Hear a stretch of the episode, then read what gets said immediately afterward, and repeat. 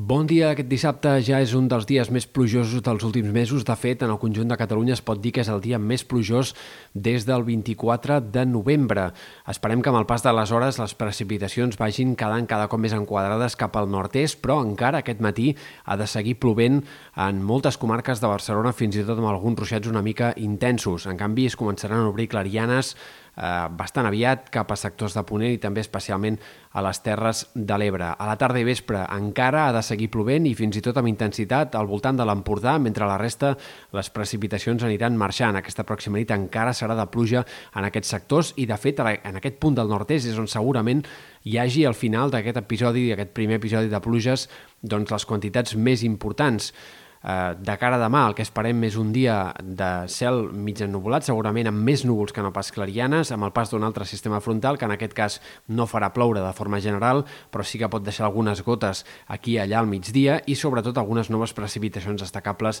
en punts del Pirineu i Prepirineu, amb una cota de neu que eh, se situarà lleugerament per sobre ja dels 1.500 metres. La setmana que ve sembla que tindrem noves situacions de precipitacions. De cara a dilluns, un altre front arribarà, en aquest cas ha de deixar quantitats de precipitació més importants cap als ports nord del País Valencià, també en sectors del Pirineu, a la resta sembla que serien precipitacions bastant minces. I també hem de destacar eh, una possible, cada cop més probable, tongada de precipitacions entre dimecres i dijous encara per definir, però sembla que podria tornar a ser bastant general i tornar a deixar també algunes quantitats importants, sobretot cap als ports, eh, Terres de l'Ebre i també en sectors del Pirineu Oriental, Serra de l'Albera. Eh, per tant, noves pluges encara a la vista de cara a dimecres, dijous de la setmana que ve. Tot això amb una situació de mar molt alterat aquest cap de setmana a la Costa Brava. El Servei Meteorològic de Catalunya té un avís de nivell 5 sobre 6, perill molt alt per l'estat de la mar en aquest sector i de cara als pròxims dies s'anirà embolicant també l'estat de la mar a la resta d'indrets. Esperem que de cara als pròxims dies, sobretot a partir de dilluns i de cara a dimarts, dimecres, el vent d'entre llevant i gregal, sobretot, bufi amb cops de més de 50, 60, 70 km per hora fins i tot en alguns sectors de la costa, especialment Camp de Tarragona, també és de les Balears, i això provocarà una situació marítima complicada, amb onades de més de 2, més de 3, fins i tot més de 4 metres en alguns casos i, per tant, molt mala mar el que hem d'esperar durant la primera part de la setmana que ve.